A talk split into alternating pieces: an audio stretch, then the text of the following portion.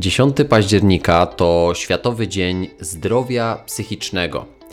Dlatego 120 odcinek mojego podcastu z moją gościnią, dr Mileną Marczak, czyli panią psycholog w medycynie. Nagraliśmy dzień po e, Światowym Dniu Zdrowia Psychicznego w którym to właśnie dniu rozmawialiśmy o tym, co jest najważniejsze dla naszego dobrego samopoczucia psychicznego, co jest najważniejsze dla naszego zdrowia psychicznego. W nagraniu dowiesz się przede wszystkim tego, jak dbać o swoje zdrowie e, psychiczne, co wpływa nasze, na nasze samopoczucie, jak radzić sobie z takim sezonowym obniżeniem nastroju czy zawsze warto szukać przyczyn swoich stanów psychicznych, czy czasami po prostu trzeba je zaakceptować i może jakoś nie wiązać się e, z nimi za bardzo? Mm, I wiele, wiele innych tematów. E, w takim pewnie śmiesznym trochę w stylu Kuby Wojewódzkiego e, zaprezentowaniu tego odcinka mógłbym powiedzieć, że rozmawialiśmy o prasowaniu, o zdrowiu psychicznym, a do tego jeszcze sobie pogadaliśmy o karlingu. I to taki zaskakujący może sposób e, do zaprezentowania tego odcinka.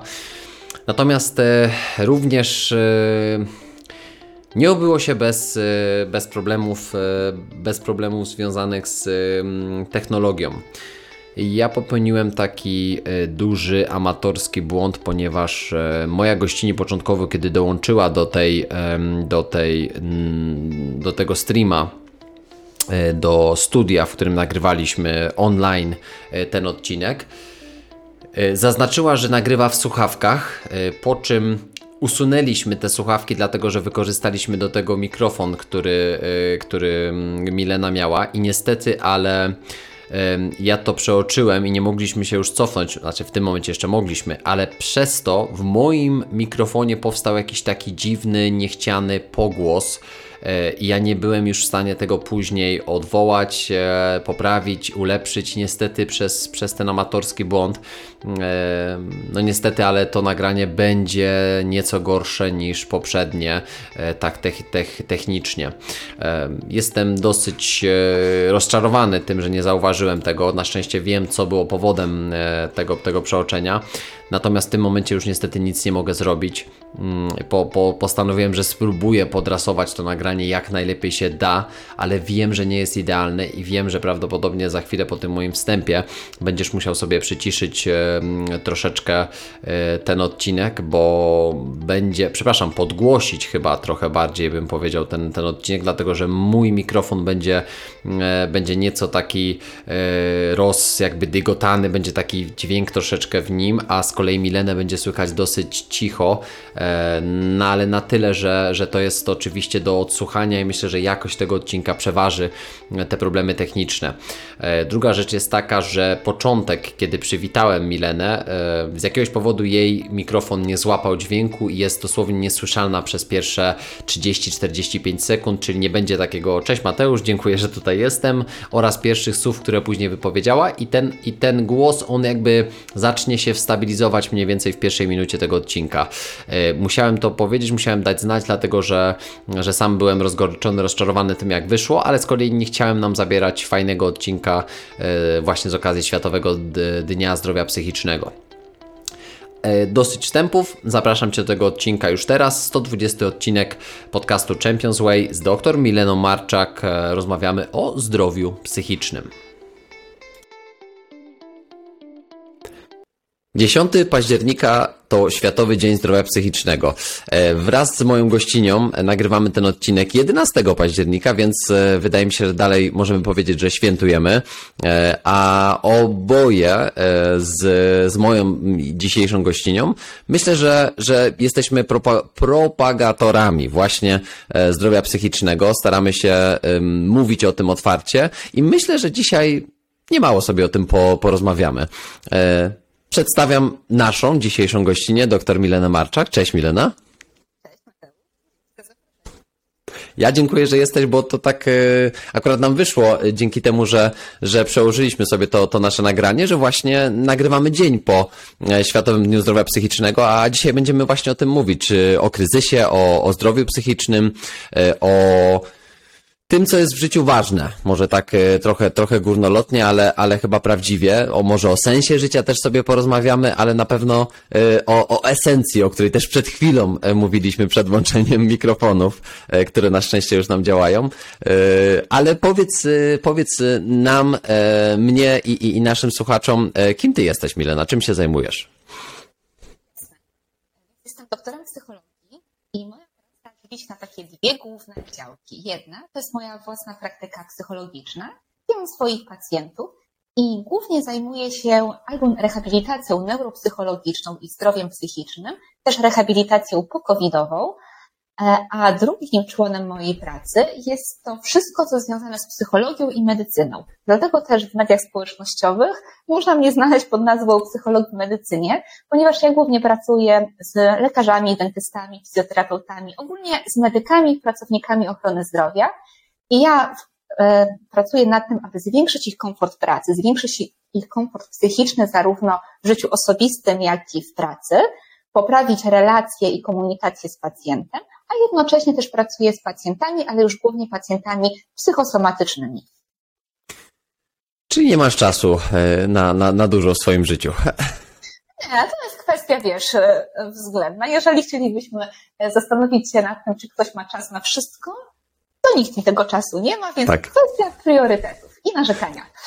To prawda, tak, tak, tak. I to też jest, wiesz, to jest też taka teoria, teraz mi wypadł oczywiście twórca tej teorii, ale, mm, ale, ale właśnie on mówi, że, że, że jeżeli mamy w życiu takie trzy najważniejsze fundamenty, e, którymi się zajmujemy, między innymi właśnie rodzina, życie prywatne e, i taki rozwój e, szeroko pojęty, to jesteśmy w stanie w jednym, w jednym momencie, w jednym czasie, w jednym jakimś okresie w pełni ogarniać tylko dwie z trzech tych rzeczy. Czyli od razu tak na dzień dobry musimy sobie powiedzieć, że że coś, co pomaga nam e, akceptować to, że czasami właśnie tego czasu nie ma, ja tak, wiesz, pół żartem, pół serio powiedziałem, bo po prostu jesteś zajętą osobą e, i w branży na pewno... Tak, tak to brzmi, twojej percepcji, a wiesz, ja na przykład mogę leżeć i pachnieć tak naprawdę, chociaż nie jest to zgodne z prawdą. Ot, otóż to, właśnie to jest, ale to ja się, ja się bardzo, bardzo z Tobą zgadzam, bo, mm, bo ja również robię sporo rzeczy w moim życiu, ale to wszystko, tak jak wspomniałaś, jest kwestią priorytetowania, a tych priorytetów nie jesteśmy w stanie mieć osiem w naszym życiu, tylko maksymalnie trzy. A z tych trzech i tak nie jesteśmy w stanie na co dzień ogarniać wszystkich trzech, tylko pewnie w danym okresie skupiając się na jakichś takich dwóch potężnych, bo tu mówimy oczywiście priorytet, kojarzy się z tym, że to jest najważniejsza rzecz w naszym, w naszym życiu. Natomiast te priorytety też mogą przecież się jakoś tam zmieniać i to, to jest ta elastyczność e, psychiczna, która też jest ważnym elementem e, i no i mam nadzieję, że, że, e, że o tym też sobie troszeczkę po, porozmawiamy, prawda? Taka sztywność versus elastyczność psychiczna. Natomiast... Myślę, że muszę ci wejść słowo, bo ja muszę tutaj się pochwalić i podkreślić, że genialnie, że o tym mówisz, bo o tym ciągle trzeba powtarzać, bo nawet my sami musimy po prostu cały czas sobie to mielić w głowie, że nie możemy żyć ciągle na 100% i nie możemy we wszystkim być najlepsi, mimo, że jednak środowisko z zewnątrz nakłada na nas tą presję, że musisz być naj, musisz być pierwszy, musisz to zrobić teraz albo wczoraj najlepiej, a no jeżeli tego nie zrobimy na 100%, tylko na przykład na 90%, to i tak to jest genialne i to jest najlepsze, co możemy zrobić, więc fajnie, że o tym powtarzasz, bo musimy to sobie utrwalać w głowie, bo o tym po prostu na co się zapominamy i się bez, bez sensu męczymy. No i teraz ja tak sobie myślę, że to jest taka trochę definicja odpowiedzialności, właśnie trochę, trochę definicja e, sprawczości, ale też e, mm, no w ogóle zdrowie, definicja zdrowia psychicznego. Ja sobie jeszcze, wiesz, żeby, żeby nie pomylić żadnego słowa. Zgodnie z definicją WHO, zdrowie to stan pełnego do, dobrostanu fizycznego, psychicznego, społecznego, a nie tylko brak choroby lub niedomagania. Czyli to, że czuję się ok, że teraz jestem zdrowy, takim sensie fizycznym, to nie oznacza, że mam pełne zdrowie psychiczne, bo na przykład mogę czuć się przemęczony, przytłoczony moją pracą, czy na przykład właśnie tym pędem, e, tymi wymaganiami, tymi oczekiwaniami. To teraz takie pytanie, które w ogóle otwiera pewnie nam tutaj e, puszkę Pandory, no to w takim razie, jak dojść do tego momentu, żeby pozwolić sobie na nie zawsze to 100 czy nawet 90%. Gdzie, gdzie jest taki start tej, wiesz, tej takiej akceptacji tego, że no nie będzie nigdy na 100% wszystko? Myślę, że odpowiedź jest bardzo prosta teorii, ale w praktyce zawsze to jest oczywiście skomplikowane. I najlepszym takim początkiem e, do tego, żeby żyć lepiej, jest uświadomienie sobie tego, że na nasze zdrowie składa się wiele czynników i oczywiście niektóre są lepsze, niektóre są słabsze w danym okresie na przykład naszego życia. One się mogą zmieniać. To nie będzie tak, że zawsze będzie super albo zawsze będzie beznadziejnie. I warto jest pamiętać o tym, mieć właśnie tą świadomość, że zdrowie to jest i ten aspekt fizyczny, i ten aspekt psychiczny, no i oczywiście aspekt społeczny, czyli ludzie, którzy nas otaczają i całe środowisko. Ja uwielbiam zawsze tak zdrowie porównywać do mózgu, ponieważ no, mózg i układ nerwowy to jest taka podstawa naszych procesów psychicznych. I pamiętajmy o tym, że mózg to nie jest organ, który jest zawieszony gdzieś w przestrzeni i w kosmosie, tylko to jest część naszego ciała. Ona jest bezpośrednio połączona ze wszystkim w naszym organizmie, więc ona współdziała tak naprawdę ze wszystkim. Więc nasza psychika, nasze samopoczucie jest zależne od zdrowia fizycznego. I to jest tak, że mózg wpływa na nasze ciało i ciało wpływa na nasz mózg. I jak my już to zrozumiemy i będziemy o tym pamiętać, to też będziemy dawać sobie taką furtkę i taką możliwość do tego, że możemy się czuć źle, ale też możemy coś zrobić, żeby się poczuć lepiej. Bo najgorsze, co możemy zrobić, to być właśnie w takiej próżni, w takim zawieszeniu i nic z tym nie robić, bo czasami nie mamy świadomości, że tak naprawdę albo my, albo ktoś, kto wyciągnie do nas z boku rękę, może nam pomóc w lepszym samopoczuciu i w tym komforcie psychicznym. Bardzo mi się to podoba, bo uprościłaś to, e, ale zarazem pokazałaś głębie. I, I, myślę, że to jest chyba taka esencja, znowu użyjmy tego wspaniałego słowa, e, żeby upraszczać e, właśnie te rzeczy, które są dosyć skomplikowane, które nie mają jednoznacznej odpowiedzi. Mm, ale wiesz, wiesz, jakie mi się tutaj od razu takie pytanie, może trochę komentarz właśnie, e, ale jestem też bardzo ciekawy Twojego doświadczenia i Twojej opinii na ten temat, bo przyjęło się, że, że zdrowie psychiczne trochę idzie z taką sezonowością na przykład w roku, czyli mamy cztery pory roku, no to wiadomo, wiadomo, że wiosna, lato, wszystko kwitnie, jest pięknie, ciepło, e, przyjemnie, no a jak przychodzi nam ta jesień, prawda, zima, to jest taki okres mm, e, bardziej de depresyjno-kryzysowy, czy bardziej e, pod, okres, w którym jesteśmy podatni na to, zarówno fizycznie, jak i psychicznie. A teraz ja mam takie doświadczenie, że ten pierwszy stycznia to nie jest zawsze yy, i wszędzie dobry czas, żeby sobie wyznaczać nowe postanowienia noworoczne, że grudzień to nie musi być okres, w którym musimy zwolnić tempo, a w sierpniu wcale nie musimy się czuć pełni energii. Yy, natomiast w kwietniu nie musi być tak, że będziemy będziemy rozrastali się i, i, i, będziemy mieli najwięcej zasobów w ciągu roku, tylko to może być najgorszy miesiąc naszego, yy, naszego całego, całego roku. I teraz ja chciałbym wyjść poza ramy tej sezonowości. Czy, czy ty też uważasz, że, że, że to tak wygląda i może pracując ze specjalistami, z, z zupełnie inną grupą docelową niż ja, mhm. widzisz coś takiego? Czy to, czy to uważasz, że, że jednak ta sezonowość wpływa na nasze zdrowie psychiczne w dużej mierze? Ja się z Tobą tutaj zgodzę w stu procentach, że e, każdy z nas funkcjonuje inaczej i oczywiście będzie sporo osób, które jednak podlegają pod tą sezonowość i rzeczywiście na przykład w na wiosnę czują się dużo lepiej, tak wracają do życia, a na jesieni przegasają, w zimie zapadają w taki przysłowiowy sen zimowy. Natomiast bardzo dużo osób w ogóle nie jest na to podatnych i po prostu może się czuć gorzej w wakacje, a w zimie się czuje rewelacyjnie. Natomiast e, ja bym chciała zwrócić uwagę na to, skąd to może wynikać, bo właśnie upraszczajmy pewne rzeczy. I ta sezonowość to jest po prostu taka, takie uproszczenie, którą my sobie jako społeczeństwo nadaliśmy dla naszego życia, bo my jako ludzie bardzo lubimy żyć w pewnych ramach. My lubimy mieć coś, jakiś początek i jakieś zakończenie. Więc rok dzielimy sobie na cztery pory roku, albo na 12 miesięcy, albo jeżeli jesteśmy studentami, to jest rok akademicki i wakacje, a jak pracujemy, no to jesteśmy na przykład na etacie, a potem mamy urlop. Czasami żyjemy od weekendu do weekendu, od poniedziałku do niedzieli. I też właśnie lubimy takie rzeczy jak nowy początek. Czyli poniedziałek jest nowym początkiem, e, pierwszy stycznia jest nowym początkiem, dla niektórych pierwszy września jest nowym początkiem. Niektórzy sobie mówią, a od wiosny to ja zacznę, albo na jesień to ja się za siebie wezmę. I szukamy takich punktów, które nam, zewnętrznych punktów, które nam pozwolą właśnie zacząć. I wydaje nam się, że wtedy poczujemy się na przykład lepiej, albo poczujemy się gorzej. Czyli na przykład w wakacje fajnie sobie żyjemy, fajnie funkcjonujemy, dobrze się bawimy, a przychodzi jesień i my nagle mamy taki stryczek i nam się przekręca wszystko w głowie niektóre klapki się zamykają, inne otwierają i stwierdzamy, okej, okay, koniec słońca, koniec ciepła, koniec e, wakacji, no to teraz to już musi być tylko gorzej.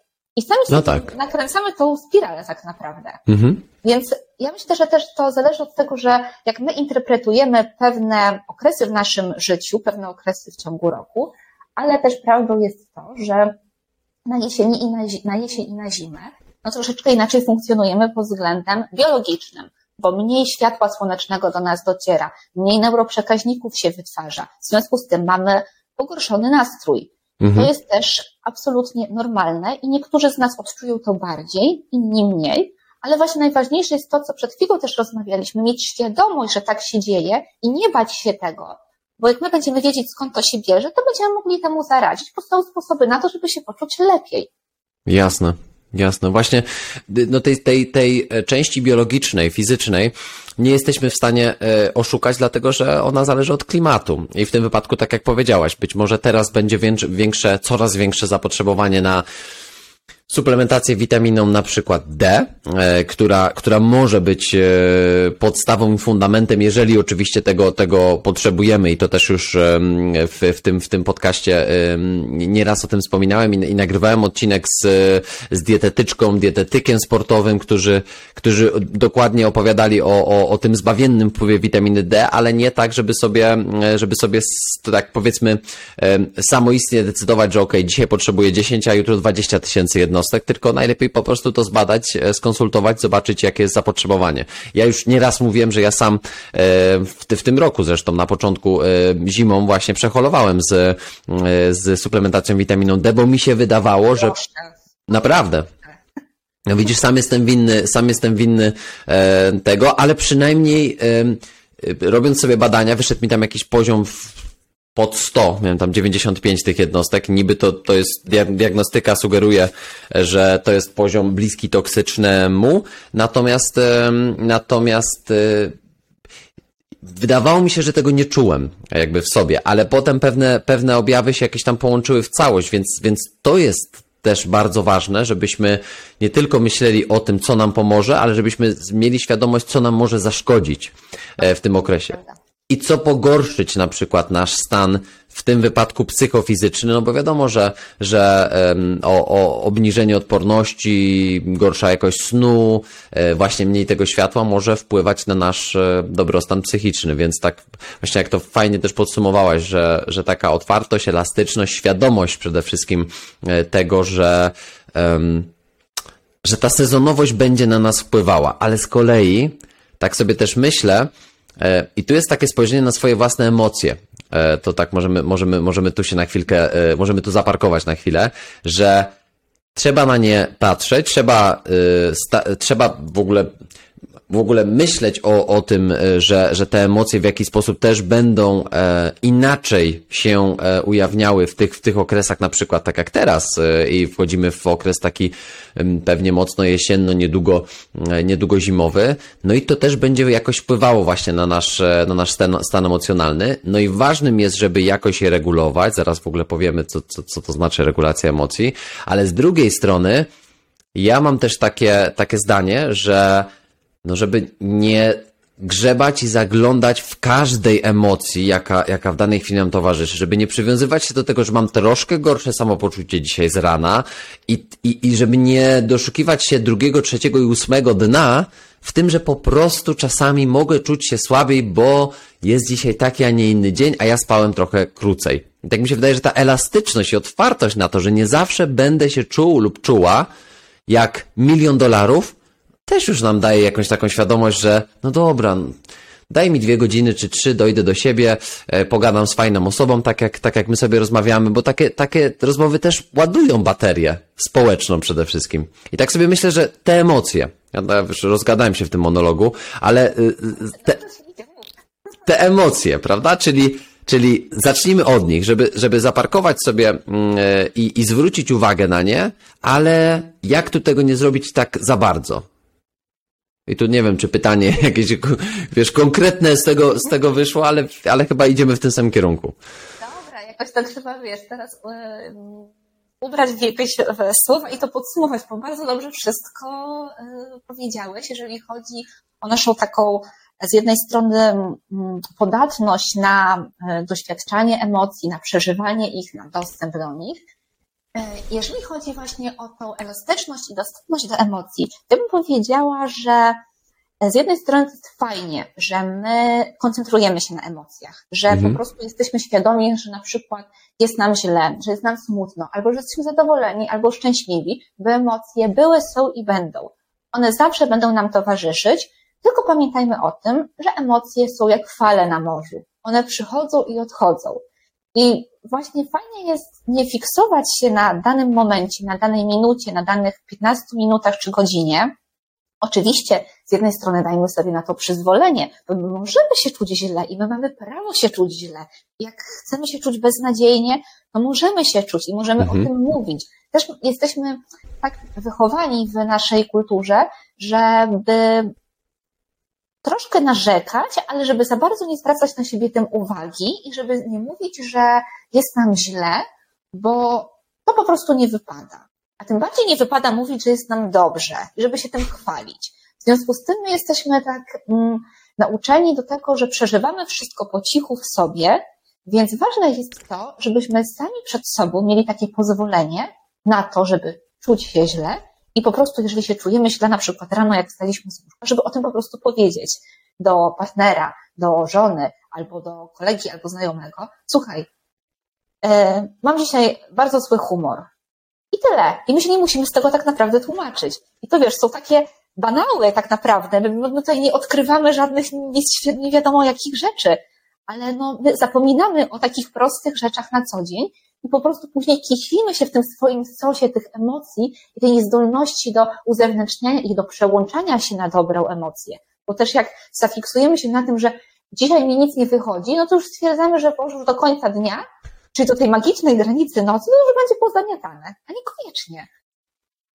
Definiujemy się przez, przez e, ten początkowy, być może wyjściowy stan, e, stan emocjonalny. A nagle się okazuje, że rozładowanie tego stanu, czyli pozwolenie mu na wyjście w górę e, i z nas, i na zewnątrz, już coś zmienia. I widzisz, ja sobie tak, rozmawiamy sobie teraz, jest bardzo fajnie, ale ja na przykład od dzisiaj, od siódmej rano nie mogę się po prostu tak tak psychicznie dobudzić do tego dnia. Nie mogę, nie mogę wejść ten dzień jakoś, nie wiem, nie wiem dlaczego, po prostu jeszcze nie wszedłem dobrze w ten dzień. I wiesz, i tak myślę sobie, wiesz, wewnętrznie, że, yy, że właśnie to jest okej, okay, bo, bo taki jest po prostu dzisiaj dzień. Może, może taka pogoda, może mój dzisiaj organizm odczuwa jakieś opóźnione zmęczenie po, e, po jakiejś aktywności fizycznej, którą powiedzmy miałem dwa dni temu. I, I właśnie o tym mówimy, że to mnie nie definiuje. Wręcz od razu szukam możliwości na to, żeby się naładować. Czy to właśnie poprzez, e, tak jak powiedziałem wcześniej, taką fajną, stymulującą rozmowę, jaką my teraz przeprowadzamy, czy przez napicie się kawy, czy przez wypicie e, większej ilości wody. E, I, i szukamy takich małych przystanków, które pomagają nam to, to, to sobie jakoś regulować. To może właśnie jest ta taka regulacja, o której tutaj mówimy, prawda? Że czasami może warto je wyciszyć, czasami podgłosić, ale w ogóle jak powiedziałaś o tym, to Przypomniały mi się teraz takie słowa Gabora Mate, który niedawno też popełnił taką, taką nową książkę Mit normalności. Ja nie wiem, czy to jest w ogóle taki tytuł przetłumaczony, natomiast po angielsku jest po prostu taki oryginał, tam The Myth of Normal, coś takiego. E, I e, on w ogóle w taki bardzo prosty i przejrzysty sposób wytłumaczył, e, czym jest depresja. Bo depresja w ogóle co do zasady, z nazwy, e, e, znaczy słowo depresja, to w ogóle znaczy, że obniżanie czegoś, prawda? Depresja jako, jako w geografii, no to depresja to są te najniższe, e, najniższe, najniżej położone, e, co? Najniżej położone co? No właśnie. Miejsca. Miejsca, niech będzie miejsca. Szukałem jakiegoś wy, wy, wykwintnego, wyszukanego słowa. Dzięki. Tej nomenklatury i my nie musimy jej Nie musimy, dokładnie. Te miejsca, prawda? Najniżej, e, najniżej gdzieś tam usytuowane. I teraz e, depresja to jest, to jest e, ściąganie emocji w dół. Czyli to jest nie wyrzucanie ich, w cudzysłowie wyrzucanie ich w górę, prawda, czyli z siebie na zewnątrz, tylko to jest dociskanie ich w dół, żeby one nie wychodziły z nas, prawda? I to jest, i to jest, to jest znaczenie tego, tego słowa. Jak sobie tak przełożymy to właśnie na, na nasz język, no to to jest być może ciągłe właśnie podkopywanie, zako, zakopywanie, jeszcze zakopywanie raz, e, raz tych emocji, nie mówienie o nich, nie otwieranie się na to, że czasami warto ponarzekać, ale z kolei też nie mówienie o tym, że jest mi dobrze, że jestem wdzięczny, że jestem szczęśliwa, że wszystko mi w życiu wychodzi, że ciężko na, na coś tam pracuję i jest dobrze. A może na przykład, że teraz przechodzę przez mały kryzys. I, I tak jak mówiłaś, jest coś takiego, że my tak niechętnie o tym mówimy, e, właśnie w społeczeństwie. Zresztą były nawet niejedne badania, które, które pokazywały, że w grupie tam pięciu czy sześciu osób e, cztery czy pięć narzekało, jedna przychodziła i mówiła pozytywnie o, o, o sprawach w kraju i ona, ona była uznana potem przez tą całą grupę jako ta dziwna, jako ta niepasująca do grupy. No i to jest takie też y, bardzo znamienne, jeżeli chodzi o taką psychologię społeczną, że jednak y, jesteśmy takimi, w cudzysłowie oczywiście, zwierzętami stadnymi, bo my lubimy przebywać w grupie i tak naprawdę ludzie wokół nas mają ogromny na nas wpływ. Tylko my też zapominamy, że my mamy wpływ na innych i zazwyczaj po prostu przyjmujemy to, co z zewnątrz i przez to definiujemy siebie. I czasami jest tak, że brakuje nam odwagi, takiej pewności siebie, żeby jednak pokazać, że my możemy się różnić od innych, że my możemy czuć się lepiej, my możemy być lepsi w jakimś aspekcie, albo możemy mhm. być też słabsi. To jest oczywiste, tak naprawdę, to jest normalne, to nie jest w ogóle dziwne. Natomiast budzi to w nas jakiś dyskomfort i to w każdej dziedzinie życia, i to w dziedzinie emocji, czy to w dziedzinie, nie wiem, inteligencji, mądrości, doświadczenia w pracy, jakichś umiejętności, zdolności no jakoś tak podkopujemy sami siebie tak naprawdę.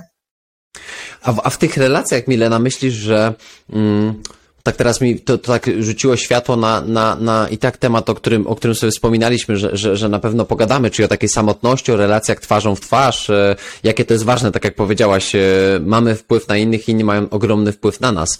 Mm, bo skojarzył mi się film e, 12 gniewnych ludzi. Nie wiem, czy, nie, czy słyszałaś o tym, o tym filmie, oglądałaś? Tytuł znam, znam, ale teraz fabułę w ogóle nie mogę skojarzyć, więc musisz mi tutaj zarysować kontekst. Tak, sprawa w sądzie mm, i jest e, dwunastu, dwunastu ławników, prawda, którzy mają podjąć decyzję winny, niewinny. No i żeby w, w Stanach Zjednoczonych kogoś skazać, e, nie pamiętam już, czy to była kara śmierci, to była kara bardzo długiego pozbawienia wolności, ale musi być 12 tak. 12 głosów na tak. Jednoznaczna, jednoznaczna opinia, tak? Dokładnie, dokładnie. I tam 11 e, szybciutko powiedziało tak, e, a jedna osoba, 12, ten mężczyzna powiedział nie. 12, 11 no, w sumie trochę poszło za tłumem, w takim sensie, że jeden, jeden powiedział tak, bo tak mu się wydawało, drugi powiedział tak, bo pierwszy tak powiedział, trzeci powiedział tak, bo mu się spieszyło, czwarty powiedział w sumie to ma sens, chodźmy do domu, piąty miał mecz baseballa e, w, w Nowym Jorku, szósty i tak dalej i to poszło do 11. No i ten 12 usiadł, no nie możemy czegoś takiego zrobić. No i okazało się, że no przecież ta mniejszość, no to no to jakby no nie ma za bardzo prawa głosu. To jest 11 do 1. On został na początku zlinczowany, no a nie chcę spoilerować, ale bardzo ciekawie cała akcja się potem rozwijała i tak właśnie taki, taka psychologia grupy tutaj, tutaj e, jednak wyszła i tak sobie myślę, że ten wpływ jednostki na całość, e, ale zarazem wpływ całości na nas ma ogromne znaczenie i jakby w tych kontaktach e, międzyludzkich, czy to jest tak, że, że jak my będziemy właśnie tacy nieco inni, czyli będziemy, wiesz, właśnie troszkę czasami. Mm, nie chcę powiedzieć, że mniej narzekali, bo to nie jest jedyny problem, prawda? Ale chodzi o to, że właśnie my będziemy tymi, tymi innymi. To czy też może powodować, że te relacje będą zaburzone? Czy to w ogóle jest jakiś taki, wiesz, czy te, ten nasz wpływ jako jednostki, tak jak w tych dwunastu gniewnych ludzi, może być taki, wiesz, taki miażdżący na, na, na, na duże grupy? No i no to tutaj odpowiedź jest e, taka typowo psychologiczna i ty będziesz wiedział, o co mi chodzi. Czyli jako psycholog to powiem, to zależy. Tak. Nie ma jednej odpowiedzi, która jest prawidłowa, ponieważ e, e, osoba, która wyróżnia się po prostu z grupy, i tutaj pod słowem wyróżnia się możemy użyć dowolnego określenia. Czy to jest wyróżnienie pod względem takim atrakcyjnym i pozytywnym dla grupy, czy też jakimś destrukcyjnym, to już nie, mhm. w tym momencie nie ma znaczenia. Natomiast to jest kwestia tego, jak silna ta osoba jest, jaką silną ona ma pozycję w grupie, jak tak. silnie ona się czuje sama przed sobą, e, jeżeli chodzi o swoją osobowość, o swój charakter.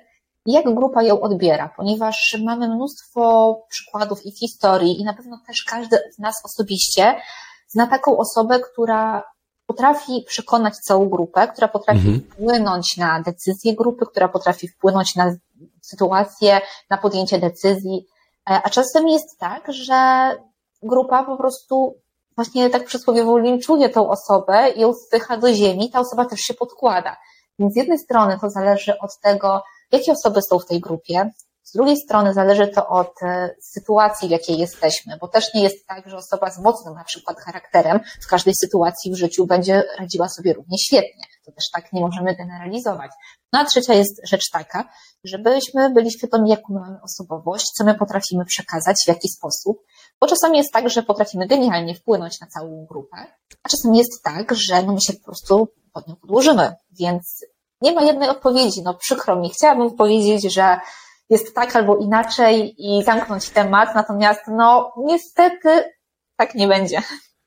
I wiesz, i tak sobie myślę, że, że właśnie mm, zawsze, nie, nie zawsze to pójście za grupą, czy za tym takim naj, najgłośniejszym e, członkiem grupy e, oznacza e, oczywiście, no to jest, to jest wiesz, taka najprawdziwsza prawda, czy tam, czy naj, najbardziej oczywista prawda, e, że, że często taka osoba krzycząca najgłośniej wcale nie jest tą osobą, która jest najsilniejsza e, w tej, w tej grupie. I ja bardzo często staram się to pokazywać e, młodym sportowcom, z którymi pracuję, bo, bo jednak jednak oni bardzo często w takim wieku 12, 16, 14, 18, no to, no to często przeżywają taki kryzys przynależności, a ta w ogóle poczucie przynależności to jest jeden z kilku elementów, który, który daje nam największe poczucie sensu w życiu.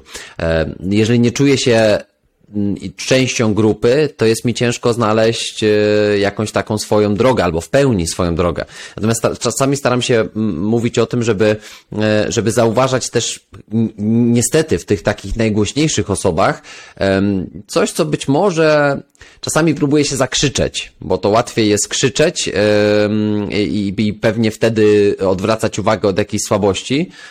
I tak mam wrażenie, że, że właśnie wielu młodych ludzi oczywiście ma z tym problem, bo jednak czasami ta, to poczucie i chęć bycia częścią większego jakiegoś tam, e, większej grupy, kosztem tego, że się nawet podkładają, jest większe. Tylko ja zauważam, że, że to prowadzi niestety, ale do takiej mimo bycia w grupie, to większej samotności, bo jakby to tak ciężko jest wierzyć w coś albo coś, wiesz, coś, mm, coś starać się y, reprezentować, na przykład jakimiś wartościami, podkładając się, nie? Jakby żyć, żyć nieco, nieco inaczej. Teraz, czy jakby to też jest coś, co może nas prowadzić do kryzysu, czyli życie, powiedzmy, w takim i, i, iście nie swoją drogą? Ja tam tak bym, tak bym skrócił, powiedzmy. Na pewno to może przyczynić się do kryzysu, natomiast zazwyczaj jest tak, że albo kryzys przyjdzie nagle i to będzie mhm. taki po prostu grom z jasnego nieba i czasami go nie spodziewamy. E, czasami jest to wpływ takich małych cegiełek, które no po prostu nosimy na plecach i w pewnym mhm. momencie, jak dołożymy kolejną cegiełkę, no to się pod nią ugniemy i to jest normalne. E, jeżeli chodzi o to dopasowywanie się do grupy u młodych ludzi, myślę, że to jest genialny przykład, o którym mówisz, bo z jednej strony takie osoby są w grupie rówieśniczej, one chcą być w tej grupie, z drugiej strony właśnie mogą czuć tą samotność. Właśnie samotność to jest kwestia bardzo taka subiektywna w odbiorze, bo my możemy być częścią grupy tak naprawdę, możemy spędzać czas w towarzystwie, natomiast my możemy się czuć samotnie i w trakcie i w czasie, kiedy my jesteśmy wśród ludzi, kiedy jesteśmy też później E, w domu i nikt nas nie otacza. Więc bycie samym i bycie samotnym to są tak jakby dwie różne rzeczy. Mhm. Dobrze, że o tym mówisz, jeżeli chodzi właśnie o młodych ludzi, bo ten wiek nastoletni to jest ten okres, kiedy kształtuje się tożsamość człowieka, kiedy tak naprawdę osobowość zaczyna być bardzo też podatna na wpływy zewnętrzne. Z jednej strony taki młody człowiek chciałby pokazać jak najwięcej od siebie, coś dać tej grupie, chciałby być zauważonym, bo to jest ogromna potrzeba taka społeczna, bycia docenionym, bycia zauważonym, bycia spełnionym w jakiejś dziedzinie.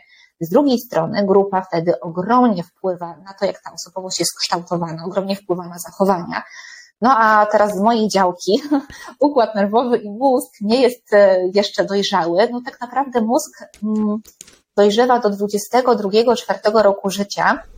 i przede wszystkim te płaty czołowe, czyli to, co mamy z przodu naszej głowy, i czasami jest tak, że no po prostu, zwłaszcza młodzi ludzie, nie potrafią przewidzieć konsekwencji swoich działań. Czyli właśnie te płaty czoło odpowiadają za takie logiczne myślenie. I dlatego też młodzi ludzie, często samotnie albo też w grupie, no popełniają różne błędy, robią różne głupie rzeczy i czasami się mówi, no co ty nie myślisz, nie zastanowisz się? No tak naprawdę nie. No bo mój mózg mi na to jeszcze nie pozwolił, tak naprawdę jeszcze nie dojrzał. Więc no, nie jest to usprawiedliwienie, ale jest to wyjaśnienie tego, że czasami właśnie w grupie przychodzą do głowy różne pomysły, czasami jak jesteśmy sami przychodzą nam do głowy różne pomysły, no ale też, że grupa bardzo, ale to bardzo mocno właśnie kształtuje naszą, no tak naprawdę osobowość już na całe życie. I tak myślę sobie, że właśnie mm, y, te, te błędy, które mówisz, czyli ten brak oszacowania konsekwencji, Fajnie, że o tym wspomniałaś, bo tak sobie myślę właśnie, że, że to człowiek ma takie, takie, mm, właśnie taką tendencję, szczególnie do, do, do tam, tak jak wspomniałaś, 24 roku życia, e, żeby czasami nie, nie, nie, nie, może nie, nieodpowiednio doszacować ewentualnego ryzyka czy konsekwencji, ale z kolei no ja mam takie poczucie znowu, może, może e, najbardziej oczywista prawda z naj, najoczywistszych, ale Ciężko jest się nauczyć na, na kogoś przykładzie e, w porównaniu do, do, do, do po prostu swojego popełnionego błędu, a ja mam wrażenie właśnie, że, że, że rodzice czasami na pierwszym miejscu oczywiście nie do końca zajmując się swoim dobrostanem psychicznym, próbują być takimi karlingowymi rodzicami. To jest bardzo takie, ja lubię bardzo to, to określenie. Dla kogoś, kto nie kojarzy tego sportu, prawda? Karling to jest taki sport, który, który uprawia się na lodowisku, na takim długim, prostokątnym torze, gdzie mamy powiedzmy trzy, czteroosobową drużynę mm, i tam jest taki, e, puszcza się po tym lodzie taki krążek z takim, e, e, z takim, z takim, takim trzymadełkiem powiedzmy i celem jest to, żeby Taki czajniczek, no patrz, no dobrze, widzisz. Dobrze, że jesteś. I taki czajniczek. Bo ja właśnie nie jestem, wiesz, specjalistą, jeżeli chodzi o sport, a jak widzę, to nazywam to tym, czym potrafię po prostu. Czajnik, tak, czyli taki okrągły czajniczek, prawda, e, który puszcza się po, po lodzie i celem jest zatrzymanie go w e, takim, e, takim polu, które trochę wygląda jak takie, taka tablica do darców, do strzałek, prawda? I tam powiedzmy, możemy powiedzieć, że na środku jest czerwona taka, taka kropka, no i kto bliżej tego środka, tej kropki, no to, to zdobywa więcej punktów. No i jeden, jeden zawodnik jest tym, który puszcza ten krążek, a dwóch szczotkują tą drogę dla tego, dla tego um, czajniczka, żeby on albo szybciej, albo wolniej, albo skręcił w lewo, w prawo, prawda, do celu. No i jakby ci, co szczotkują, to są tacy właśnie karlingowi rodzice e, w tym, w tym wypadku. I to jest takie... Mm, takie określenie, które pokazuje, że, że to są ci rodzice, którzy nie pozwalają czasami temu krążkowi, czytaj dziecku, prze, po prostu prze, przelecieć sobie przez ten, um, przez ten tor, przez to lodowisko, popełniając swoje błędy, czasami będąc za wolnym, za szybkim, za bardzo w lewo, za bardzo w prawo. E, I tak sobie myślę, że tutaj też się może zacząć taki moment y, problematyczny dla młodych ludzi, którzy trochę nie mają nawet możliwości wejść w takie swoje niedojrzałe życie jeszcze, do, właśnie w kontekście mózgu, popełniając swoje błędy, będąc za szybkim, czasem za wolnym. Wiesz co, ja myślę, że no tutaj rodzice nie chcą źle na pewno. Tak. Jeżeli ktoś oczywiście to robi w taki sposób e, świadomy dla dobra dziecka. No ponieważ e, jednak rodzic pamięta no, ze swojego życia pewne trudności, które miał i no po prostu chce dziecku uchylić nieba tak naprawdę. Chce, żeby jego życie było lepsze, pozbawione właśnie tych trudności, Natomiast życie jest trudne, życie jest ciężkie i kolejny po prostu banał z naszej rozmowy. Ale no taka jest prawda. Natomiast jeżeli e, część jakichś przeszkód rodzic usunie przed dzieckiem, to nie znaczy, że te przeszkody się nie pojawią. Prędzej tak. czy później one będą. E, I no niestety później i tak musimy sobie z nimi poradzić jako dorośli ludzie, tylko brakuje nam tych zasobów, tego doświadczenia, i czasami jest tak, że no dziecku, dziecko, mo, dziecko ma prawo popełniać błędy. Jak dziecko mhm. popełni błąd, to w zasadzie no, tych konsekwencji aż tak dużych nie ma jak w życiu dorosłym. Więc zastanówmy się też właśnie, czy jednak to szczotkowanie przed tym czajniczkiem musi być aż tak mocne czasami, żeby czasami jednak może rzeczywiście dać temu czajniczkowi, może nie za każdym razem, bo też rolą rodzica jest to, żeby tutaj jednak w jakichś takich mm, ramach odpowiednich dziecko wychowywać, w pewnych wartościach, e, ale no czasami jak ten czajniczek po prostu no, przeleci przez ten obręcz, no to jednak jest kolejna próba, chyba. tak? Jest, jest, tak. Jest kilka rund, tak. To, to trwa, to trwa. Też tak jest, że jak, się, jak coś nawet się stanie raz, to przecież później może być zupełnie inaczej i warto jednak e, no, czasami dać dziecku e, szansę odczuć konsekwencje, no mhm. bo tak naprawdę, powtórzę to, co ty powiedziałeś, najlepiej uczymy się na swoich błędach. Fajnie by było, jakbyśmy wyciągali wnioski z błędów innych, ale no nic tak naprawdę nie zostawia takiego śladu w nas, jak taka nauczka, którą sami po prostu posmakujemy. E, tak sobie pomyślałem właśnie na początku, że, że, że dobrze, że powiedziałaś to, co powiedziałaś, czyli że, że, że rodzic ma jak najbardziej dobrą intencję. E, druga rzecz, którą od razu pomyślałem, to że zaraz się pokłócimy e, i, i, i będzie, będzie fajnie. Tak, zobacz, jak stworzyłem, wiesz, klik, clickbait od razu do, do, do reszty rozmowy. Pół żartem, pół serio, bo, bo też mam tutaj takie, takie myślę, że mocno mm, ugruntowane zdanie na ten temat oboje, jak widzę, jesteśmy bardzo dalecy od, od tego, żeby winić kogokolwiek za coś, co tam się dzieje u kogoś w życiu, prawda? Bo tak jak powiedziałaś, intencja zawsze jest e, na pewno jak najlepsza e, i, i rodzic robi na tyle, na ile umie, na tyle, ile wie. Jest takie, takie fajne powiedzenie, że, że wiesz, że my jesteśmy, czy byliśmy wychowywani przez mm, jesteśmy wychowywani przez, inaczej, jesteśmy prasowani przez rodziców, którzy zostali sprasowani przez swoich rodziców, którzy zostali sprasowani przez poprzednie pokolenia. To prasowanie to jest taka dobra analogia. Nie każdy potrafi prasować, albo każdy potrafi prasować, każdy robi to trochę inaczej. Niekoniecznie y, dobrze, y, efektywnie, wydajnie, ale jakoś tam jesteśmy w stanie uprasować y, to, to, to, to nasze, to prasowanie, jeszcze raz, tak jak mówię, to, to, to nie, że prasujemy e, prawda, e, nie mówimy tutaj o konkretnie o prasowaniu tam koszul czy, czy spodni, prawda, tylko o wychowaniu, żeby było jasne. E, więc tak, intencja jak najbardziej, ale e, są takie, takie naprawdę bardzo wstrząsające słowa, mnie przynajmniej, e, które mówią o tym, że na przykład miłość rodzica do dziecka to nie jest to, co rodzic czuje, tylko to jest to, co dziecko dostaje. Czyli naj, największych staraniach w typowym polskim powiedzeniu, w moim, mojej ocenie, to tak może wiesz, może generalizuję, ale chciałem dobrze, tak, ale przecież chciałem dobrze, ileż to razy w życiu słyszeliśmy, to ja ci powiem, Milena, że to jest dla mnie nic nie warte, chciałem dobrze. Bo to, że ktoś ma intencje, to tak jakbyś powiedziała, wiesz, yy, no ale chciałam, chciałam mm, szybciej się dostać do domu z pracy, chciałam dobrze, bo chciałam być szybciej w domu dla mojego męża, czy mojej żony, czy dla rodziców, czy kogoś innego. No dobra, ale jechałaś 115 na zabudowanym.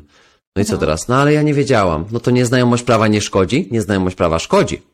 Dlatego yy, zaśmiałem się, że się pokłócimy, dlatego że uważam, że tak, jasne, yy, chcieć dobrze, to znaczy mieć dobrą intencję. Ale pewnym momencie, będąc źle wyprasowaną lub źle wyprasowanym, ty stajesz przed wyborem, żeby coś ze sobą zrobić. Żeby zrobić sobie autoprasowanie, czyli taką autopsychoterapię e, momentami, albo na przykład właśnie zacząć pracować nad sobą. Dzięki czemu nie tylko moja intencja, czyli wiesz, kocham cię bezwarunkowo. No dobra, no ale dziecko na przykład nie zostało przez ciebie przytulone i nie usłyszało tego przez miesiąc. Mhm. Czy aby na pewno kochasz to dziecko bezwarunkowo? Wiesz, to jest taki, taki, taki troszkę bolesny kamyczek, który wrzucamy, wiesz, do buta i tak się ciągnie za nami, nie? Że właśnie ta intencja, a faktycznie co dostajemy po drugiej stronie. Okej. Okay. I cały czas czekam na to, co powiesz, żebyśmy się pokłócili w takim razie. Chcieć dobrze to nie znaczy dawać dobrze. Ale właśnie widzisz, um, Musisz coś bardziej podkręcić, bo ja tutaj e, zgadzam się z Tobą. Jeżeli też naszymi wspaniałymi polskimi przysłowiami, no to oczywiście ja dodam kolejne do naszego zbioru. Dawaj. Jest piku wybrukowane. I po prostu e, właśnie to, że ja chcę fajnie, najlepiej i dobrze, i to jest w mojej ocenie. To ja to mam w głowie. To jest moja perspektywa patrzenia na coś. Natomiast to, co odczuje druga osoba, jak ona będzie w tej sytuacji funkcjonować, jakie ona emocje będzie przeżywać, to już zupełnie co innego. Najprostszy przykład. Powiedzmy, że chciałabym Ci dać prezent. Mhm. I, na, I w moim, ja na przykład lubię dawać praktyczne prezenty. I teraz tak, ja wysyłam do ciebie paczkę do Kielc i otwierasz paczkę, tutaj piękna czerwona kokarda i sobie myślisz, o matko, jaka wspaniała niespodzianka, a tam żelazko. Z bilecikiem, żebyś sobie dobrze uprasował życie. Na przykład, na przykład. no dobra. No to akurat właśnie żartem, ale no czasami się mówi tak, że są prezenty na przykład nietrafione i na przykład, no nie wiem, ja mam koleżankę, która uwielbia dostawać praktyczne prezenty i jeżeli ja bym jej dała patelnię, ona by mnie po rękach całowała. Ale ja bym dała innej koleżance patelnię, ona by się na mnie obraziła tak naprawdę. I tu mam dobrą intencję, i tu mam dobrą intencję. Natomiast to, co poczuje jedna koleżanka i to, co poczuje druga koleżanka, oj, to są dwie zupełnie różne historie. Więc wracając do historii właśnie dzieci i rodziców, to, że rodzic chce uchylić dziecku nieba, czyli na przykład w, tak jak teraz mamy mm, no, zupełnie inne możliwości niż było wiele lat temu. Czyli tak. na przykład e, możemy dać czasami dzieciom więcej, czyli mhm. e, właśnie, czy jest dobre, czy złe i co to znaczy więcej. Możemy dziecko na przykład zapisać na wiele różnych zajęć dodatkowych. To może go być zajęcia sportowe, i to może być basen, i to może być lekkoatletyka. To mogą być zajęcia jakieś rozwijające pamięć, zajęcia z rysunku, teatr, wszystko. Możemy wynająć w ogóle opiekunkę, żeby dziecko woziła nawet na te zajęcia, no bo my musimy zapracować tak jakby na to i też jesteśmy tego świadomi, że to się znikąd nie bierze, no po prostu trzeba za to zapłacić. E, rodzicowi się wydaje, że on robi dla dziecka dobrze, bo daje mu to, czego sam na przykład nie miał. I on wie, mhm. że akurat część z tych aktywności zaprocentują dla dziecka, no, no bo to jest rozwój. Natomiast czy dziecko potrzebuje rzeczywiście wypełnienia tego czasu aż tak w 100%? Czy dziecko by nie wolało na przykład e, spędzić 20 minut w ciągu dnia, tylko 20 minut w ciągu dnia z rodzicem? Czasami się mówi, że jest ciężko to wygospodarować. Okej, okay, ale mamy cały tydzień też. Mamy też miesiąc później i to się składa na rok. Więc Dziecko też potrzebuje uwagi rodzica. Dziecko potrzebuje się czuć ważne, czuć się zauważone. Dziecko uczy się przez obserwację, przez doświadczenie. Więc dziecko się uczy od innych osób tak naprawdę, nie od rodzica. I dziecko się uczy, że okazywanie miłości w tym momencie i okazywanie mm, zainteresowania to jest dawanie czegoś, niekoniecznie siebie i swojego czasu. A tak naprawdę, znaczy to jest moja osobista opinia, ale myślę, że sporo osób się z nią zgodzi, że jedną z cenniejszych walut obecnie jest czas. Czas nasz wolny i czas, jaki mhm. damy drugiej osobie.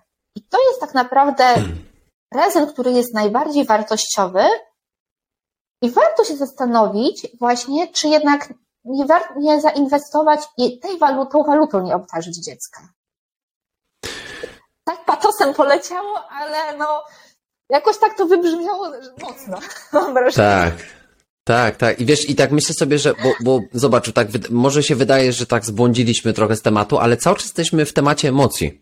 W takim sensie, że, że, że przez te emocje mm, jesteśmy w stanie bardzo dużo regulować w naszym życiu, co doprowadza właśnie do takiego, e, na początek myślę, że, e, że względnego dobrostanu psychicznego, bo w momencie, kiedy emocjonalnie czujemy się zaspokojeni, czyli na przykład właśnie mamy bliskich ludzi e, wokół nas, dostajemy e, tą, dostajemy te, te miłość, to wsparcie, tą bliskość od drugiego człowieka, ale myślę, że wspólnym mianownikiem tego, do czego teraz oboje dochodzimy, to jest komunikacja e, w tym wszystkim, bo myślę, że myślę, że ten jakby czas taki, powiedzmy, kryzysu egzystencjonalnego, czy kryzysu zdrowia psychicznego, czy może jakiś taki kryzys w ogóle relacji pokowidowy, prawda, popandemiczne takie efekty e, tego, jak, e, jak ten element relacji się troszeczkę po prostu zmienił.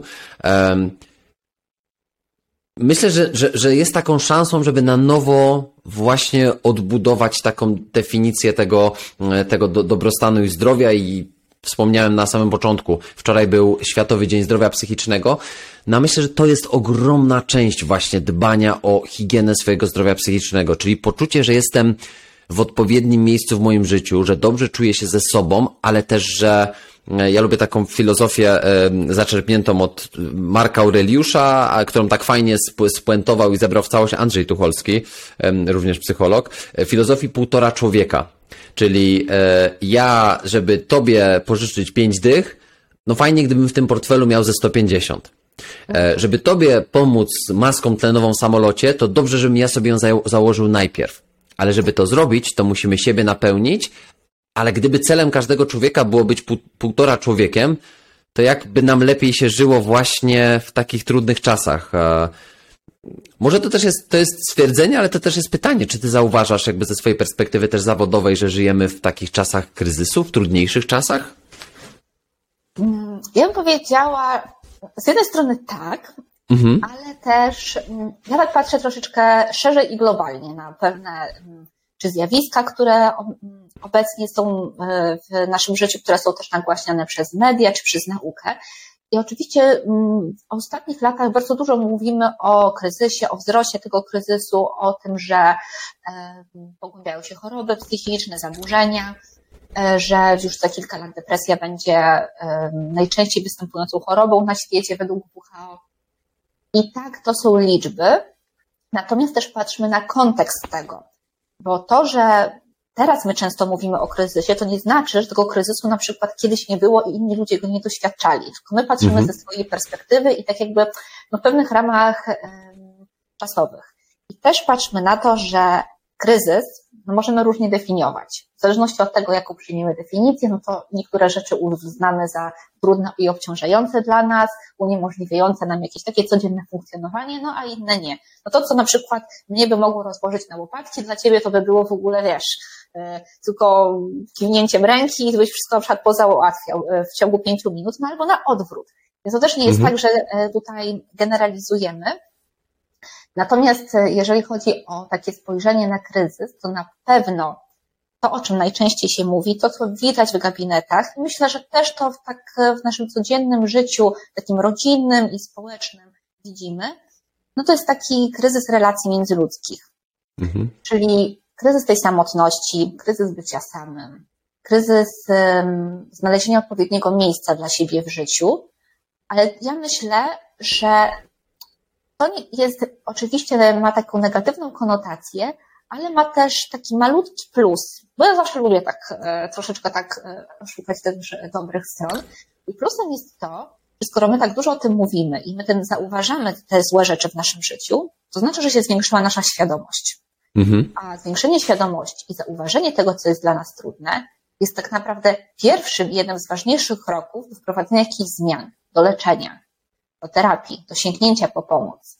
Bo jeżeli my byśmy tego nie widzieli, my byśmy czuli się źle i byśmy byli takim, mm, jak to się mówi, że e, ziarenko przychyla szale. Czyli po prostu czekalibyśmy do tego momentu, aż no wszystko się zawali i nagle ten kryzys spada na nas jak grom z jasnego nieba. I to są kryzysy właśnie, które w naszej opinii pojawiły się po prostu nagle, a czasami no my na nie tak naprawdę zapracowaliśmy ciężką i długą pracą. Y, fajnie, że powiedziałaś, y, myślę, takie tutaj słowo klucz y, w tym, w tym, w czym dostrzegamy potencjał, czyli w tej świadomości, Mhm. I co myślę, że ostatnie dwie generacje, które, które zaczynają wkraczać właśnie w taki, w taki bardzo ważny, niektóre formatywny, niektóre już bardzo dojrzały okres życia, czyli to są, to są milenialsi, czyli urodzeni po 80 roku e, i Zetki, czyli urodzone po 95, 6, tak tam mniej więcej się patrzy na te ramy.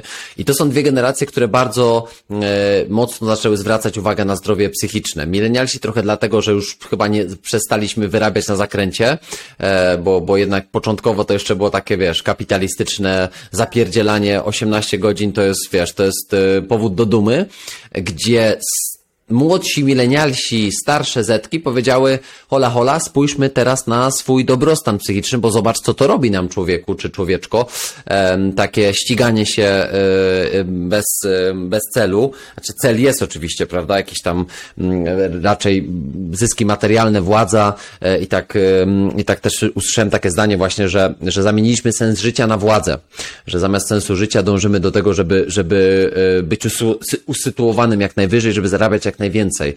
E, I ta świadomość myślę, że jest słowo, słowem klucz, e, bo kiedyś to było, to nie jest tak, że kiedyś to, to e, teraz to, to jest, a kiedyś to tego nie było, prawda?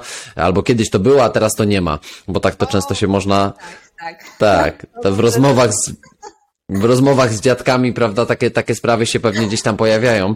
Mm, Natomiast jakby ja też, ja też cieszę się, bo na przykład moi dziadkowie z babcią bardzo dużo rozmawiamy i ona też jest świadomą osobą, i czasami jak mówi takie rzeczy, to dyskutujemy sobie o tym i, i po prostu mm, powiedzenie, że kiedyś to było, a teraz to nie ma albo na odwrót, no nie jest do końca prawdą, tylko po prostu kiedyś nie zwracało się na to uwagi, bo były gorsze warunki życia, była, był kryzys dużo większy, byliśmy krajem, który nie był do końca niepodległy, e, tylko, tylko na papierze niby byliśmy, ale to, to, to wcale tego nie było. Większość osób, które wtedy, które było rodzicami na przykład, czyli powiedzmy moi, moi dziadkowie i ich rodzice, no to byli ludzie z PTSD i to takim pewnie głębokim, więc jakby to, to coś, co mówimy dzisiaj o świadomym zwracaniu uwagi na zdrowie psychiczne, wtedy nie mogło istnieć, no bo jak? Kto się przyglądał swoim emocjom? Wszyscy tylko próbowali przeżyć, więc ogromne zrozumienie dla tamtych generacji, ale jeżeli nie spojrzymy na ten historyczny obraz, to pewnie nie zrozumiemy e, jakby tego całego, tak, tej całej długiej drogi, którą przebyliśmy.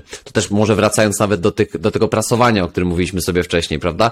Jak tamte generacje miały nas tak e, świetnie i fantastycznie wyprasować, skoro one też nie miały jakby do tego możliwości, nie? To a propos tego obwiniania, prawda, rodziców e, i tego kawału chodzącego tam wśród psychoterapeutów, że pierwsze co się robi, to się obwinia rodziców i potem się już ma to z głowy. No i tak, no, właśnie Chodzi o to, że y, patrzymy właśnie na kontekst y, Tak. czasów, w jakich żyjemy. I świetnie, że to właśnie powiedziałeś, że tak zarysowałeś, jak mniej więcej jakie były problemy 20 parę lat temu, 20, co ja gadam, jakby, jakbyśmy w 2000 roku rozmawiali. Czas mija. 50 lat temu. Y, A to, co jest teraz, to są zupełnie różne światy, zupełnie inne problemy i zupełnie różne możliwości. I jak my to przetłumaczymy na nasz taki, e, taką psychologiczną działkę, to jak spojrzymy sobie na piramidę potrzeb Maslowa, to ona nam Hmm. świetnie wszystko tak rozkłada na czynniki pierwsze. Bo jakie były problemy takie pierwszorzędne dla naszych rodziców i dla naszych dziadków?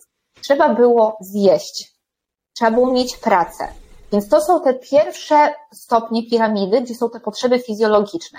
No bo jak my ich nie, nie będziemy zaspokajać, jak my nie zjemy, jak my nie pójdziemy do łazienki, jak my nie zadbamy o swoje takie zdrowie też, no wtedy to głównie to było już fizyczne przede wszystkim, to te w ogóle kolejne mm, mm, szczeble piramidy nie mają tak jakby sensu, bo one nie mają szansy się rozwinąć. My nawet nie zauważymy, że coś tam jest. Natomiast teraz jedzenia jest dużo. Praca tak naprawdę też jest. jest. E, możliwości rozwoju są zupełnie inne. I też kwestia dodatkowa, mamy internet i na tym też właśnie pokolenie Z się wychowało i to jest ogromna różnica, bo to pokolenie, to jest pokolenie, które rozwin rozwinęło, rozwinęło swoją osobowość tak naprawdę w internecie. Oni nie znają czasów, kiedy nie było komputera, nie było telefonu, więc wszystkie informacje oni mają tu i teraz. Oni żyją tu i teraz i oni są przyzwyczajeni do tego, że wszystko się bardzo szybko zmienia i jak oni coś chcą, to wstrykną palcem i to dostaną. Nacisną Mhm. klawisz, mają informację. Nacisną guzik w telefonie, skontaktują się z drugą osobą. E, Milenialsi i, i generacje, które były wcześniej, no, wychowały się w zupełnie innym systemie, w zupełnie innych możliwościach.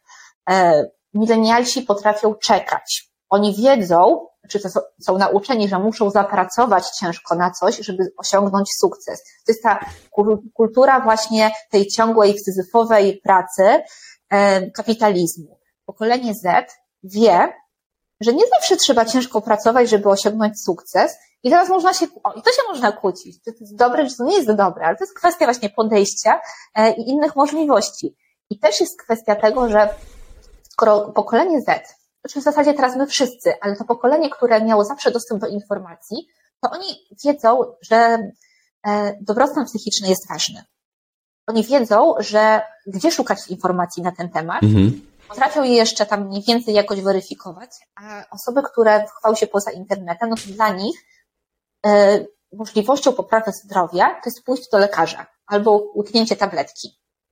i to jest dla nich rozwiązanie. I mimo, że my wiemy, że są jeszcze inne możliwości, że my możemy skorzystać z czegoś innego, natomiast jak przez ileś lat my byliśmy warunkowani w taki sposób, to tak naprawdę ciężko jest nam wyjść z tego schematu. A te nowe pokolenia, no jednak mają tą możliwość i tak naprawdę no, z niej korzystają. Fajnie, że to mówisz, bo tak, wiesz, od razu mi się tak to wszystko mm, domyka, e, tak jak powiedziałaś, to, to można by polemizować i wiesz, i dyskutować, że wśród milenialsów znajdziemy takich, e, którzy tak. są, wiesz, też liczą na, na instant, szybkie e, i, niecierpliwe e, zyski, e, ale, ale z kolei coś, co mi się wydaje, że łączy te dwie generacje, albo fajnie, gdyby wyciągnąć to najlepsze z nich, to jest e, być może właśnie takie podejście, niezłomności i ciężkiej pracy i determinacji, sumienności i, umie- i bycia y, zdolnym do odraczania gratyfikacji, co jest jednym też z predyktorów przyszłego sukcesu w życiu. I to też jest zbadanie, zbadane wzdłuż i wszerz, przed, przede wszystkim na takich długich, podłużnych y, y, badaniach, do których, do których warto zajrzeć. I zachęcamy, żeby, żeby, sobie, żeby sobie naprawdę poczytać o tym, jak y, sumienność i odraczanie gratyfikacji są ogromnymi predyktorami przyszłego sukcesu w życiu, w czymkolwiek by się, by się, by się nie startowało. Natomiast Zetki poniekąd też uczą nas tego, że nie musisz być perfekcyjna, że pasja destrukcyjna, czyli dążenie po trupach do, do celu, prowadzi prawdopodobnie do raczej wypalenia e, jakiegoś życiowo, zawodowo, sportowego, akurat w moim, w moim kontekście. E, i, e, I to nie jest jedyna prawowita droga, więc połączenie tego mnie się od razu kojarzy, jest taka fajna japońska filozofia, która nazywa się kintsugi. I teraz e, nie wiem, czy słyszałaś kiedyś o tym, bardzo, bardzo fajne jest. Musisz to jest takie. Musisz opowiedzieć, koniecznie. Tak, w telegraficznym skrócie, bo to znowu jest bardzo fajny przykład, tak jak z tym żelazkiem, prawda, czy, czy tym, czy, tym czajniczkiem. E, to daje od razu takie, mm, takie zrozumienie tego, że, że kintsugi to jest jakby takie e, Znaczenie słowa to jest oryginalne e, te, takie naprawianie stłuczonej ceramiki. A, to e, już wiem, tak, to jest piękne. Mhm. Cudownie. To, to... Każdy wiedział o co chodzi. Dobra, to ja powiem w dwóch zdaniach, a może właśnie też dopowiesz coś, coś od siebie. E, to jest, to chodzi o to, żeby uratować e, e, właśnie tą popękaną ceramikę, e, ale w taki sposób, żeby później te fragmenty podkreślić pozłacanymi, pozrebrzanymi e, elementami, które podkreślają jej e, już nie tylko nawet wyższą wartość niż poprzednio, ale te cenne przejścia, które ta ceramika miała, czytaj człowiek, prawda, e, który przy takich potuczeniach często nabawił się blizn, które zostają na, na całe życie. E, I myślę, że to jest takie, taka esencja połączenia tych, e, tych dwóch światów, że idziemy do celu, bo trzeba. No bo kurczę, od kogo nie wymagać jak od siebie samych, tak? Dlaczego mamy nie być ambitni? Musimy. Dlaczego nie, mamy nie szukać pasji w swoim życiu? No trzeba, żeby, żeby w tym życiu nie popaść w nihilizm e, w, w pewnym momencie, czyli takie po prostu takie nic, e, takie obumieranie wewnętrzne i zewnętrzne. Natomiast błędy, porażki, niepowodzenia, które zostawiają na nas te właśnie blizny według tej, tej, e, tej filozofii Kintsugi, potrafią być najcenniejszymi rzeczami, jakie nam się zdarzają w życiu?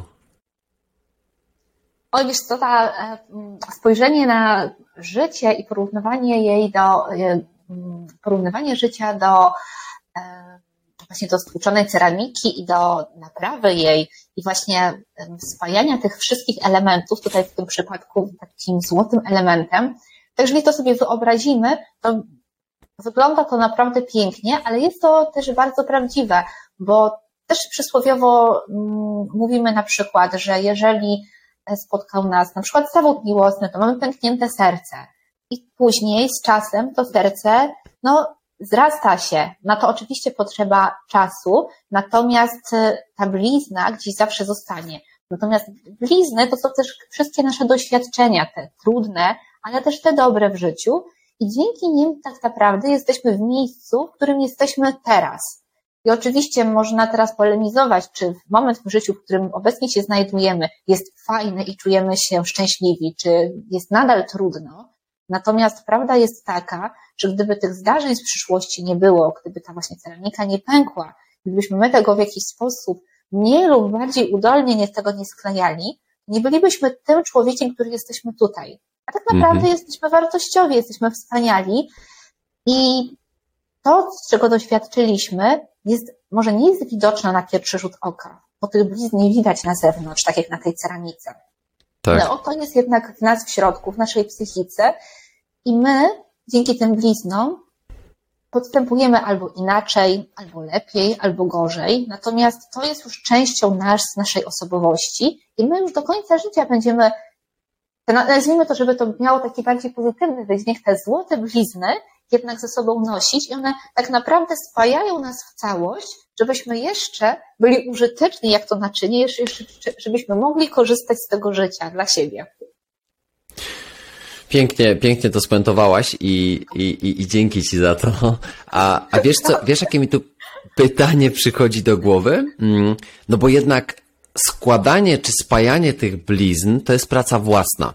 Oczywiście czasami potrzebujemy wsparcia specjalistów i, i bardzo dobrze, bo, bo, bo jeżeli czujesz w swoim życiu, że, że, że sam lub sama po prostu nie wyrabiasz na zakręcie, e, to może czasami warto wyposażyć się w, w takie narzędzie, e, którym są nowe hamulce albo, e, nie wiem, lepszy system trakcji. Nie znam się aż tak bardzo na samochodach, ale tak sobie myślę, że to intuicyjnie pewnie byłoby dobrze po prostu e, zreperować i to w życiu jesteśmy w stanie takie rzeczy właśnie reperować przy pomocy specjalistów, ale to wymaga postawienia siebie na pierwszym miejscu. I teraz mam wrażenie, że z tym mamy trochę w Polsce problem, bo typowy Amerykanin nawet by nie pomyślał o tym, że faktycznie siebie no się na przykład asertywnie nie stawia na pierwszym miejscu i że ma się problemy z odmawianiem e, i ze stawianiem granic, bo to na przykład jest, nie wiem, hamskie, nieładne, czy, czy tradycyjnie, znowu stereotypowo, nie, nie wypada na przykład odmawiać, nie wypada e, czegoś nie zrobić albo zrobić, gdzie wydaje mi się, że filozofia ta półtora człowieka, do której jeszcze raz nawiążę, no zakłada, że najpierw musimy zbudować swoje własne zasoby. Czy to jest problem? Czy to jakby widzisz jako coś takiego, wiesz, właśnie po, jako poważne wyzwanie, czyli nieumiejętność stawiania siebie na pierwszym miejscu?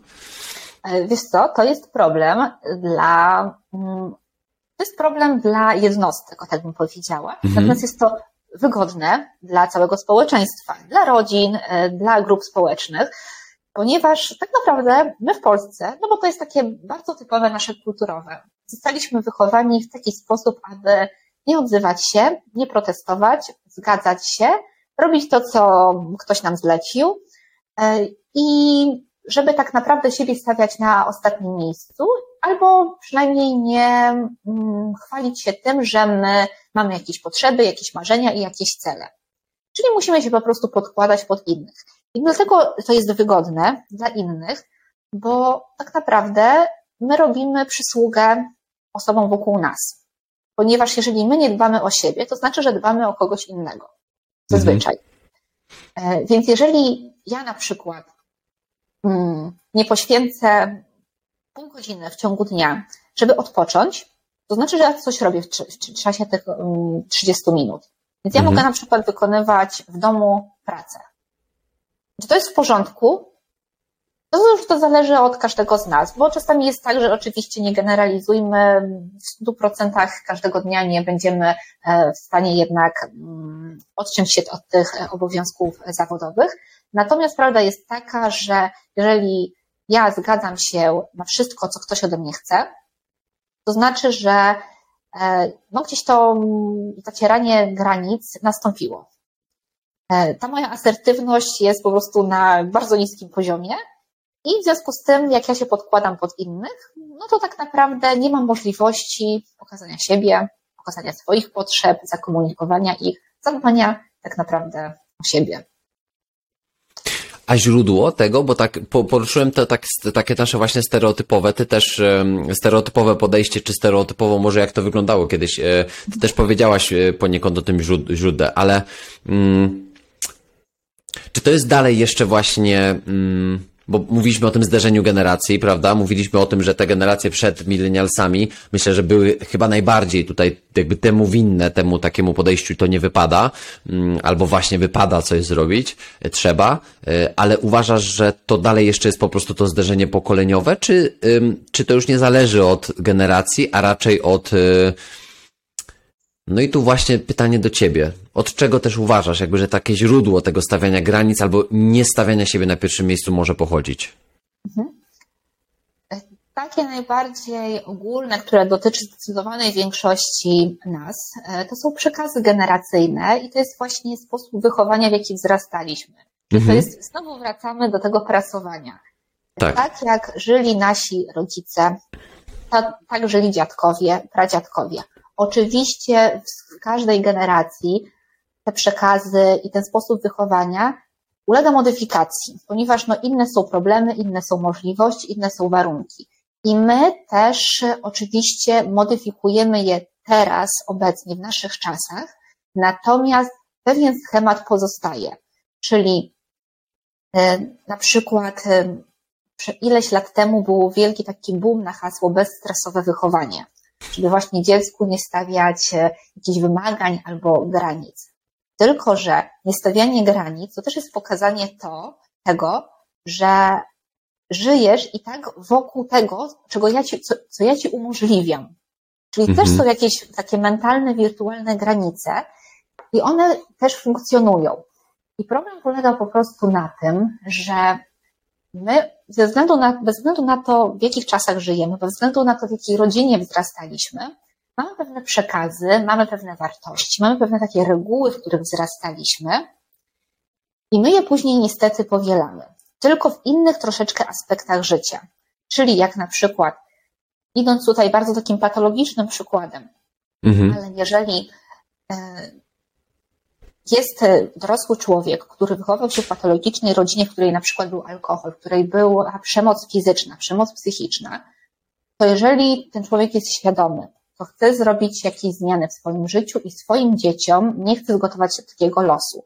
W związku z tym on nie będzie stosował przysłowiowo tej przemocy i fizycznej, i psychicznej, natomiast pewne reguły, które on pamięta z domu, będzie stosował. Czyli to będzie na przykład takie bezwzględne posłuszeństwo wobec rodzica, tym i tutaj właśnie jest problem, bo rodzic może myśleć, że on chce dobrze dla dziecka, ale to bezwzględne posłuszeństwo może przekładać się w tym, że dziecko musi się zgadzać na to, że pójdzie na basen, na język angielski, na zajęcia z gimnastyki, um, będzie jadł um, konkretne posiłki, które mu rodzic zaproponuje, czyli tego sprzeciwu też również nie ma. I to jest, chodzi o to, że tutaj była taka przysłowiowo twarda ręka i niemożliwość po prostu wzięcia pod uwagę potrzeb dziecka. Mhm. tutaj tak samo. Tylko pewna historia jest inna, natomiast trzon jest tak naprawdę ten sam i to jest ten właśnie przekaz generacyjny, ten wartości, w których wzrastaliśmy. Patrz, jak zataczamy koło do właśnie tego karlingowania, do wychowania, do ja myślę, zdania sobie. To musi być e, hasło po prostu podcastu. Karling, karlingowe wychowanie. ale tak, ale, ale zobacz właśnie, jak nam się to, to, to zapętla, bo, bo rozpoczęliśmy właśnie od, yy, od, od tego dobrostanu psychicznego, od emocji, od y, szeroko pojętego zdrowia psychicznego. Mówiliśmy o tej dojrzałości lub niedojrzałości jeszcze tego mózgu nastolatków, którzy do tego 22-4 roku życia e, rozwijają ten mózg. Roli rodziców właśnie w tym całym procesie. E, do kolejnego takiego zderzenia generacyjnego, czyli też różnic kulturowych, które jednak powodują E, no nieco inne przystosowanie się do tego życia dzisiaj, presja, oczekiwania, e, mówiliśmy o tym takim pewnie populizmie, właśnie kapitalizmie, który, który dąży do tego, żeby może bardziej niż sens życia mieć władzę, mieć pieniądze i, i na tym się troszeczkę dzisiaj opiera być może status, status społeczny. Wiele rzeczy troszeczkę się nam obróciło do góry nogami, że już nie 16-godzinny dzień pracy, tylko 4-godzinny dzień pracy, bo trzeba, bo trzeba szanować szanować się i stawiać swoje granice. I tak myślę, że tu można zwariować e, w tym wszystkim. Jakby oczywiście wziąć to na, jako takie Taki święty gral, że po prostu trzeba robić to, ale trzeba też robić tamto, ale trzeba sobie pozwalać, ale nie można sobie pozwalać, ale trzeba stawiać granice, ale nie za bardzo. Yy, I wiesz, to właśnie doprowadza nas do tego, że nam mózg pęka. Mm, ale myślę sobie, że pierwszy krok, który powinniśmy poczynić, e, to jednak bym powiedział, że jest właśnie zadbanie o siebie. E, momentami zastanowienie się nad tym, jak daleko ja jestem, czy ty jesteś od, od tej filozofii e, półtora człowieka. I teraz co, co robię z tym nadmiarem, który mam? Bo spędzanie go na kanapie, wiesz, z, z wiesz, pizzą i, i, i lodami, to jest czasem dobre rozwiązanie, żeby zadbać o siebie, ale generalnie mam takie wrażenie, że człowiek jest istotą społeczną i po to mamy mieć to półtora, żeby pomagać innym, żeby coś robić dalej, wie, wie, większego niż y, ja sam. Bo to jest kolejny y, i taki pewnie jeden z tych najważniejszych też elementów w sensie życia, czyli transcendencja, czyli bycie częścią jakiegoś większego planu y, w tym wszystkim. No i tak sobie myślę, że szanując też, też Twój czas, Milena, to nam się jakoś tam z, złożyło w całość, choć długo by jeszcze pewnie o tym rozmawiać, e, więc zapewne, e, tak może już troszeczkę wcześniej zaspoileruję i rzucę zaproszenie, pewnie drugą część e, tego odcinka nagramy, bo będzie o czym gadać. Nie, no proszę bardzo. Tak już, tak już mam. presji teraz i presji grupy. Żadnej, żadnej. Tak już mam. Lubię tak Dobra, lekko wywierać. To dla ciebie za spryt. Dzięki, dzięki. Ja poważnie, poważnie myślę, że, że po prostu trzeba o tym rozmawiać i, e, i myślę sobie, że nawet gdybyśmy mieli się jeszcze raz spotkać za, za kilka miesięcy, to po prostu byłoby warto, bo mam wrażenie, że, że po prostu też świętując ten, ten Światowy Dzień Zdrowia Psychicznego zrobiliśmy coś fajnego um, i ja Ci też bardzo za to dziękuję Milena e, i dziękuję Ci za to, co robisz, bo, bo wprowadzasz do, do branży pracując z, e, z ludźmi, którzy myślę, że też potrzebują Ciebie i potrzebują tej, tego, co im daje dajesz i potrzebują dobrej wiedzy, e, dobrej nowiny, dobrej nadziei, e, słuchaj, dobrej takiej, wiesz, wiadomości o, o, o, o tym zdrowiu psychicznym, które, które staramy się szerzyć, więc mm, kończąc to nasze, nasze praso, prasowanie tutaj, wiesz, i, e, i czyszczenie drogi dla innych naszych słuchaczy, jak karlingowi psychologowie, bardzo Ci dziękuję jeszcze raz.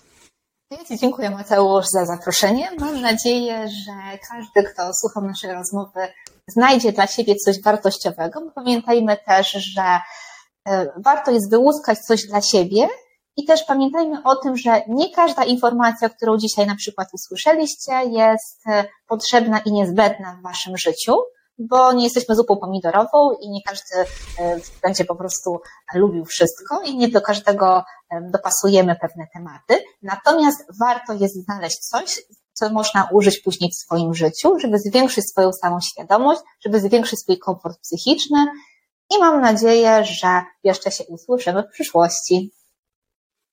Jak mawiał klasyk, nic dodać, nic ująć. Pięknie to powiedziałaś. Dziękujemy i e, do usłyszenia już, bo ja w ogóle nie powiedziałem, że, że tak klasycznie, że, że to jest 120 odcinek podcastu i że właśnie moją gościnią e, była dr Milena Marczak i że e, zobaczymy się w 121 e, już ja z moimi słuchaczami za tydzień e, w środę, czyli 19 e, października. Do usłyszenia, gdziekolwiek tego słuchasz. Cześć.